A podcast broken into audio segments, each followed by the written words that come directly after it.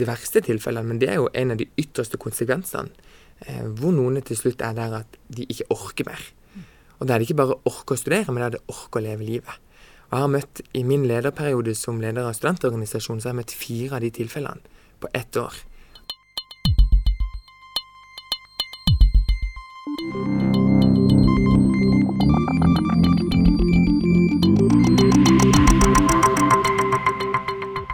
Mobbing har lenge vært et selvfølgelig og viktig fokus i skolen, men begrepet er i liten grad blitt anvendt i høyere utdanning. Voksne folk mobber vel ikke.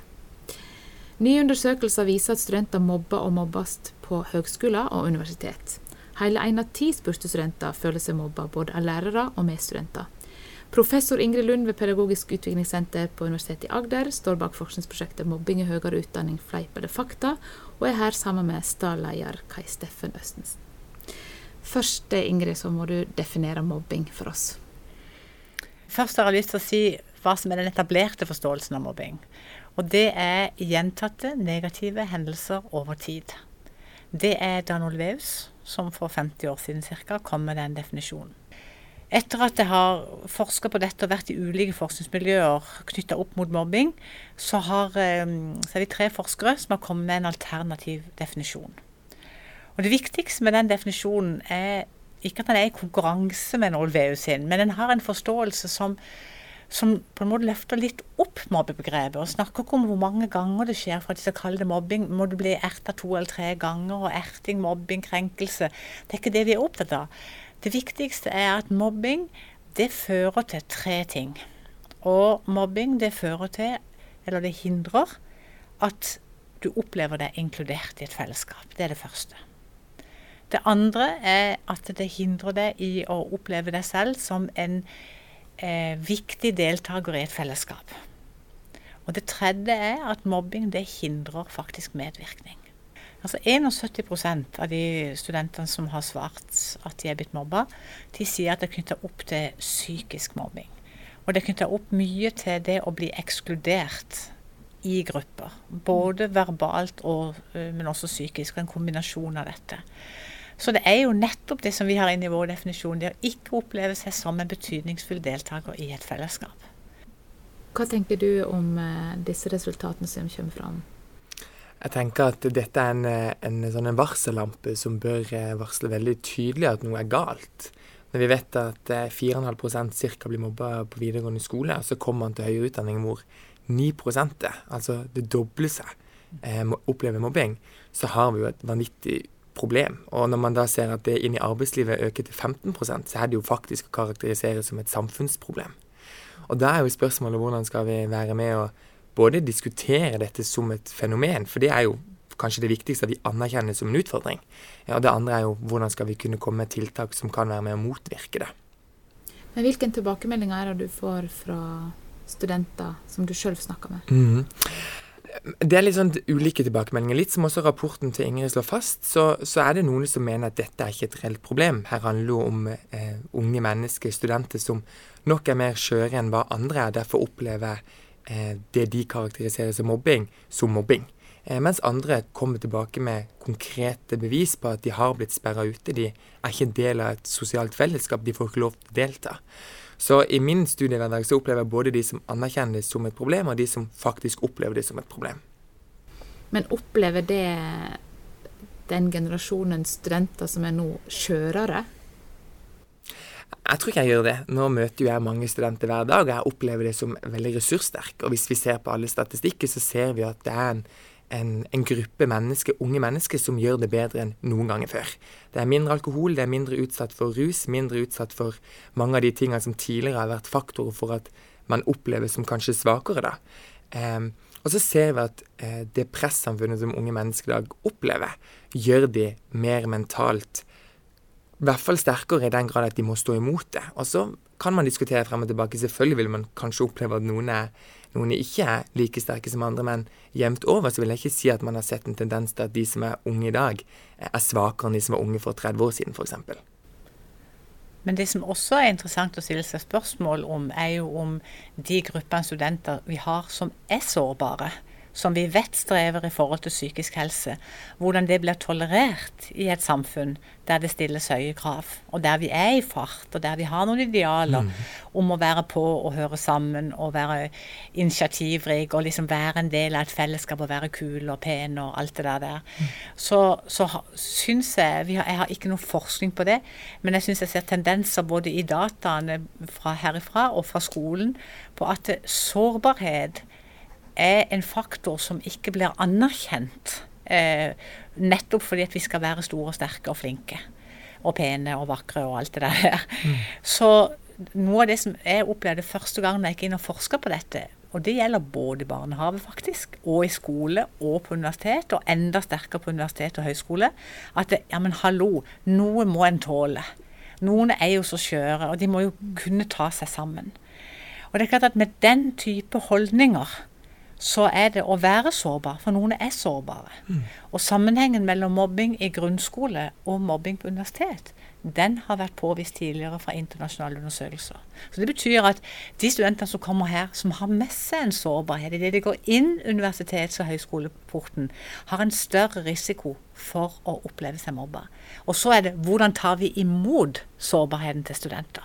Det blir også det avgjørende når vi snakker om forebyggende mobbearbeid.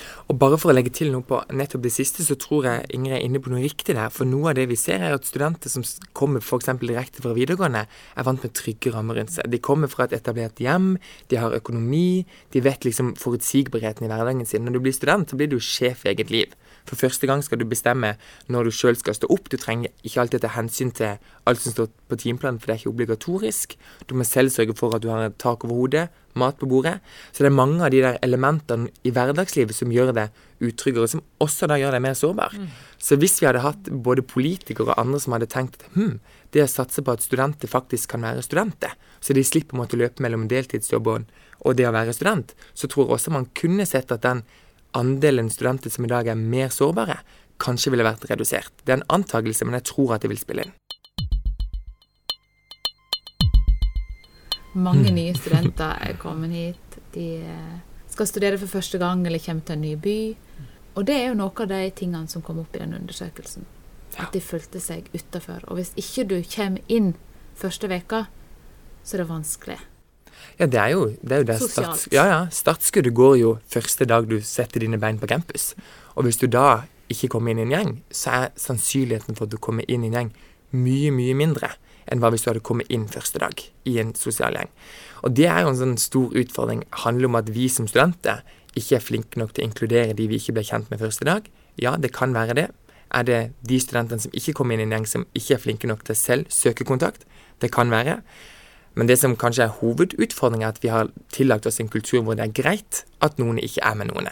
Og da tenker jeg det både er eh, de som har kommet i en gjeng, men de som også har valgt, eller ikke har klart å komme inn i en gjeng, som har en utfordring her, at her må vi snakke sammen. Og det som kanskje er viktig å få fram når det gjelder studiestart, er at veldig mange er opptatt av at de vil være med. Men så kan det hende man glemmer litt rundt at alt er nytt, hvordan skal vi gjøre dette, hvordan skal vi komme i gang? Og så glemmer man kanskje litt at å shit, til tross for at jeg er ny, så har jeg også et ansvar for de andre nye. Og der ligger nok noen hovedutfordringer med dette med inkludering og ikke inkludering. For det ligger vel kanskje i bunnen en redsel for å ikke bli inkludert sjøl? At en faktisk ikke er så god på å se andre? Ja, Der er det noen liksom sosialpsykologiske mekanismer som virker. ikke sant? Det å finne de populære, henge sammen med de som er mest i fart, og bli en del av et fellesskap som du merker at her er det de kule, da. For det er jo også sånne grupperinger på universitetet, akkurat som i andre settinger. Og, og, da snakker vi om oppstarten, men det er jo også, og da snakker vi om studentenes ansvar. Men på et universitet og en høyskole så er det jo også organisasjonen som helhet, og ikke minst den enkelte faglærer sitt ansvar. I det de også møter studentene første dagen. Måten de setter sammen grupper på. Det er jo rapportert masse om i denne undersøkelsen her. Eh, så er det jo mange av studentene som sier at noe av det aller, aller verste, det er når vi skal jobbe i mindre seminargrupper og grupper. For det at ikke den som leder faget, tar ansvar for å være tydelig på faktisk å hjelpe de studentene som strever litt med kan ikke rekke opp hånda og si 'jeg vil være med'. Det er noen som ikke gjør de trenger hjelp. Da svarer faglæreren tilbake at ja, men det, de er voksne folk. Eh, og da får du igjen dette med holdninger til hva er min jobb som lærer på universitetet. Og mm, senest i dag møtte jeg en dekan på, på et eh, fakultet som sa Vet du noe, Ingrid, det er én ting jeg har gjort etter at uh, den undersøkelsen kom ut. Det er at jeg har sagt til alle de ansatte på vårt fakultet de skal, ikke sette, de skal være med på å bestemme hvem som skal være i grupper i oppstarten av skoleåret. Det gjør alle på mitt fakultet nå. Ja, men så bra, sier jeg. Det er en liten bit, en liten millimeter. Så da har hun eller han bare begynt med det. For det, studentene sier det er så viktig, for jeg aner ikke hvem jeg skal være sammen med. Og det gjør at jeg får en opplevelse av utenforskap. Og det er jo litt sånn, det er jo kanskje litt i, i brudd med hva man tenker om akademia når man Ja, snakker om friheten Ja, til at nå skal vi velge alt selv. Og Ja. en av de tingene vi to har jo diskutert mye, Ingrid, det er dette med når man går i barnehagen, så skal alle barn leke med alle. Og når vi blir voksne, så kan vi velge selv. Og hvorfor skal vi da legge til rette for at jo eldre du blir, jo mer kan du ekskludere de som du på en måte skal leke med. Mm. det har jeg egentlig aldri skjønt.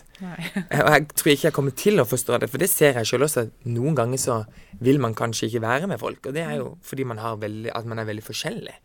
Men det er veldig rart at man likevel tillater seg selv å si at ja, ja, hun var veldig rar. Jeg tror kanskje jeg bare lar være.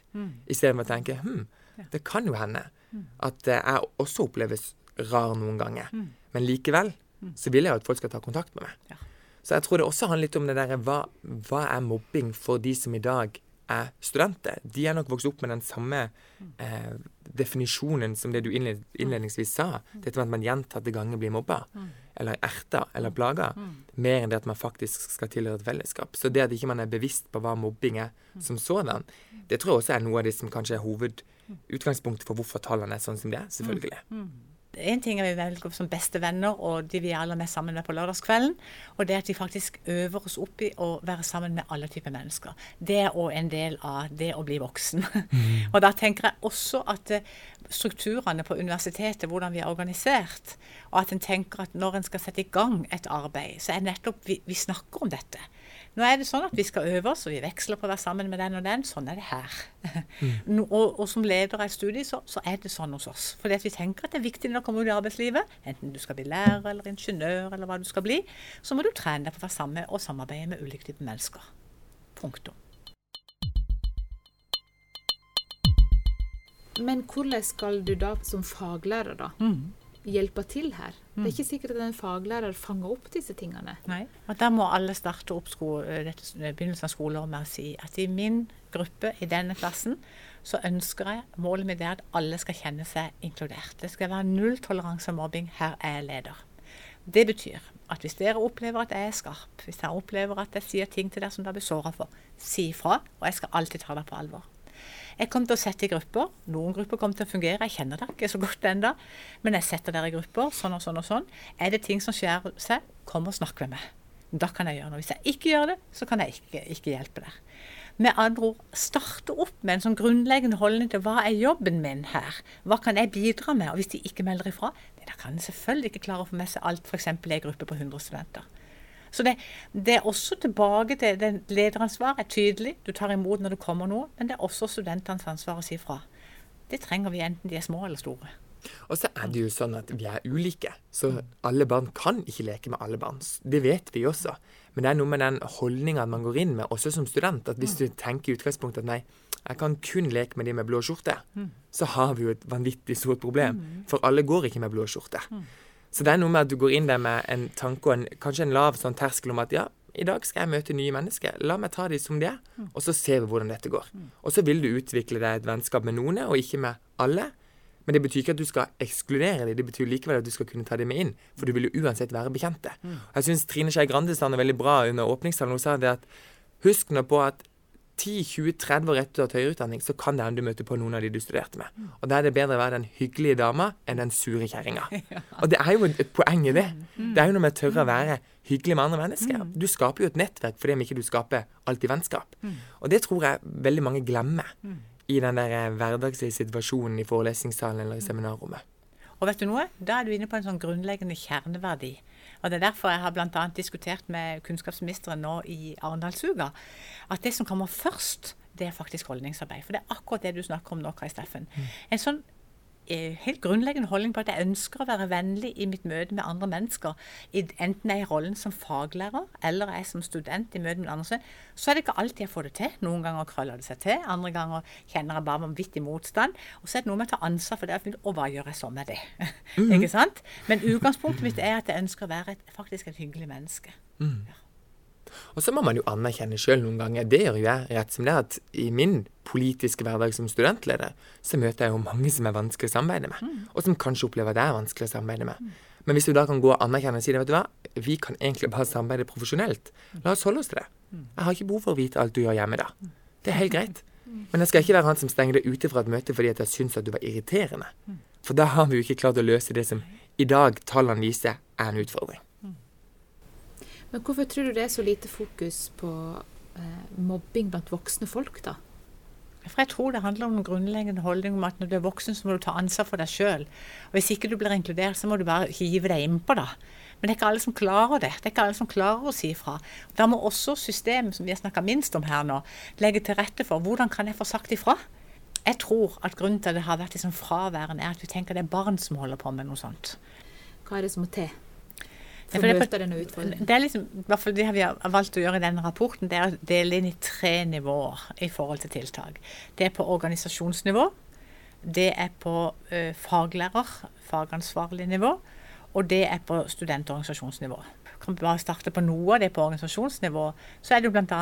det vi har starta på nå, denne Si ifra, som gjør at det, når noen melder ifra, så går det fra punkt 1 til punkt 10 og det er disse ti punktene på hvordan denne veien skal gå, det vet alle som jobber på universitetet. Forventningene er klinkende klare på alle nivåer. Hvem skal gjøre hva.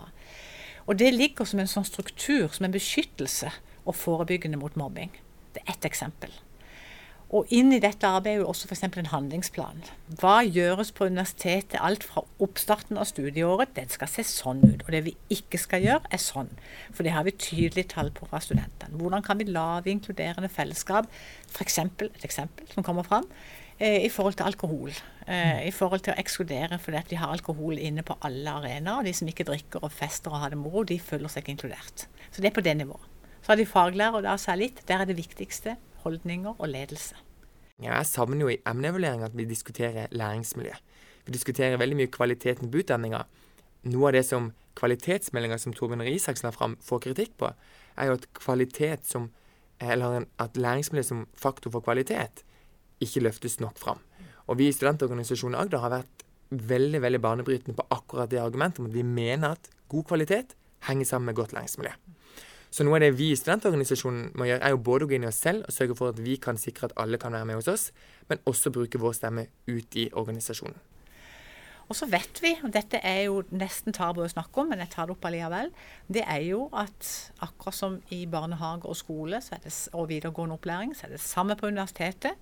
Det er folk som er ansatte som jobber her, som ikke burde ha jobba her, som utsetter studenter for mobbing, helt tydelig der studenter melder ifra, og der det ikke blir tatt tak i. Da kan et sånt si fra-system sikre det. Da er vi også avhengig av at eh, det skjer noe. Eh, at ikke det bare blir liggende der og gjøre, men at det faktisk blir aktive handlinger. Dette er ett eksempel på det. Og, og der er det en del dilemmaer. Det ligger både på organisasjonsnivå, eh, rettigheter til ansatte, Eh, og som påvirker veldig studentene når det virkelig går galt. Og det samme gjelder egentlig studenter. Kai Steffen. Når vi ser at studenter er med på å krenke andre, så eh, burde det vært noe, og det er jo det i systemet, i organisasjonen, som gjorde at det, hvis dette ikke holder opp, hvis ikke det stopper, så burde det vært en type aktivitetsplikt, handlingsplikt, som førte til at studenten fikk noen valg som kanskje måtte være at du kan ikke være her så lenge du holder på sånn som dette. Dette ser vi jo bli lovfesta i grunnskolen nå. Uh, og jeg ønsker jo også at en sånn lovfesta rett, uh, som går på at uh, når du melder inn noe som er vanskelig i et arbeidsmiljø, så har du en aktivitetsplikt, og du har en handlingsplikt. Og der ikke denne blir fulgt, så blir det pålagt dagbøter. I dette tilfellet til skoleeier. Noe sånt kunne jeg godt tenke meg inn på universitet og høyskoler. For det at vi vet hvilke konsekvenser mobbing har i forhold til bl.a. psykisk helse og uførhet. Mm. Så dette er en kjempeviktig samfunnspolitisk egentlig, mm. tematikk som vi løfter opp her, som òg er ganske vanskelig og sårbar. I verste fall. Altså, eh, det siste året har jeg møtt studenter som opplever krise i livet sitt. Når de opplever å bli stengt ute, opplever ubehag hver dag med å gå på universitet og høyskole. Eh, og det å møte de studentene, og dette er jo de verste tilfellene, men det er jo en av de ytterste konsekvensene, hvor noen til slutt er der at de ikke orker mer. Og da er det ikke bare orke å studere, men da er det orke å leve livet. Og jeg har møtt, I min lederperiode som leder av studentorganisasjonen, så har jeg møtt fire av de tilfellene på ett år. Det er ganske mye når du tenker at studentorganisasjonen i Agder ikke er en instans hvor man melder ifra om disse typer ting, men det er der det havner. Så vet vi også at Sia helse får mange, og vi vet også at de meldes videre til fastlege eh, og andre helseinstitusjoner. Så det er jo en av de verste konsekvensene vi kan oppleve. at det, det kan, havne, altså det kan handle om, om liv og død. Jeg merker jo bare at en, en, bremser for å bruke disse ordene som det å ta livet sitt, og det å sparke noen fra jobben sin, det å utestenge studenter som, altså, det er jo sånn, det er sånn drastiske ting. Men i den, i den, den verste, mørkeste enden av mobbing, så ligger dette. Enten vi lir å snakke om det eller ikke. Så er det der. Også som du sier, så er det et mindretall av disse 9 prosentene, men det ligger der. Og vi har også mørketall på det. Så, så jeg tenker at det, når vi vet hvilke konsekvenser mobbing får for enkeltmennesket, så er det billig, for å bruke det i et mm. i anførselstegn, å virkelig gjøre forebyggende tiltak for å redusere mobbing. Du har nå hørt en podkast fra Universitetet i Agder. På uia.no podkast kan du finne flere episoder og diskutere det du har hørt. uia.no podkast.